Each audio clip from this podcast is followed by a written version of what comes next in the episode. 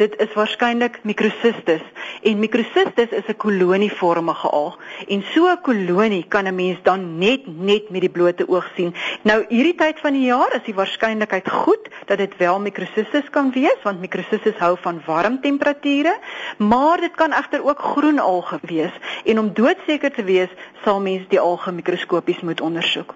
Die feit dat die luisteraar sê dit lyk soos poeier, het my egter onmiddellik aan 'n blou-groen alg laat dink. Indien daar baie digte konsentrasies van hierdie kolonies voorkom, dan verkleur dit die water groen tot blou-groen en as jy dan jou hand onder die oppervlak hou, sal dit soos 'n klein klomp groen korreltjies vertoon. Redelike onlangse ontleding het gewys dat daar baie hoë konsentrasies van Microcystis in die Vaalrivier voorkom. So alhoewel ek nie 100% seker kan wees dat dit wel Microcystis is nie, dink ek die kanse is wel goed dat dit Microcystis kan wees. Wat sal jy sê veroorsaak hierdie blou-groen alg? Is dit die besoedeling of is dit net 'n natuurlike proses? Wel, ek dink beide speel 'n belangrike rol. Wat die natuur aanbetref, Microcystis hou van warm water, so hulle kom gewoonlik in hoë konsentrasies voor tydens die warm somermaande.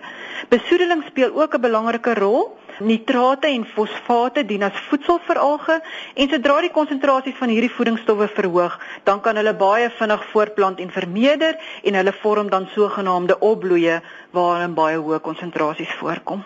Wat sal jy sê is die grootste besoedelaars? Waar kom hierdie fosfate en nitrate vandaan? Dis 'n moeilike vraag. Eintlik is daar nie een spesifieke persoon of organisasie wat daartoe bydra nie. Voedingsstowwe soos nitrate en fosfate kan van verskillende bronne afkomstig wees. Een van die grootste bronne is waarskynlik afvloei vanaf landerye wanneer dit reën. Boere dien kunsmis op hulle landerye toe en kunsmis is ryk aan fosfate en nitrate en as dit dan reën dan was hierdie kunsmis in die riviere in. Huishoudelike afvalprodukte is is ook belangrik. Sommige sepe bevat vandag nog steeds fosfate en dan van die industrie en rioolwerke kan kan 'n ander belangrike bron van fosfate en nitrate wees. Nog 'n luisteraar het genoem van dooie visse wat hulle al in die Vaalrivier gevind het. Wat sal die oorsaak daarvan wees? Indien dit wel Microcystis opbloei is, soos wat ek vermoed, is dooie visse een van die algemene simptome wat daarmee gepaard gaan, want wat gebeur is wanneer Microcystis sulke hoë konsentrasies en sulke hoë opbloeie vorm, dan gaan daai opbloei op 'n stadium ontbind. En wanneer hierdie alge dan ontbind, is daar ontbindingsbakterieë wat die ontbindingsproses aanhelp. En hierdie ontbindingsbakterieë verwyder baie suurstof uit die water uit.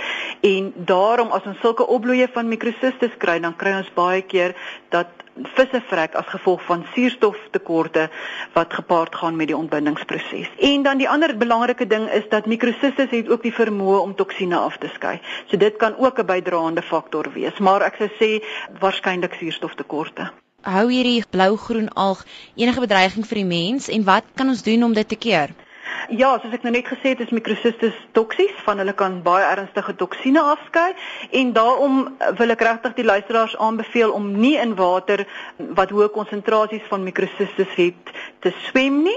Indien jou vel in kontak kom met Microcystis, kan die toksine uh, allergie of veluitslag veroorsaak. Mense moet ook nie die water rou drink nie. Die goeie nuus is dat die suiweringsproses verwyder wel die toksine. So mense hoef nie bekommerd te wees oor gesuiwerde water nie, maar moet onder geen omstandighede dan die rou water drink nie. En dan hou dit natuurlik ook 'n groot gevaar in vir boere se vee wat direk die rou water uit die rivier uitdrink.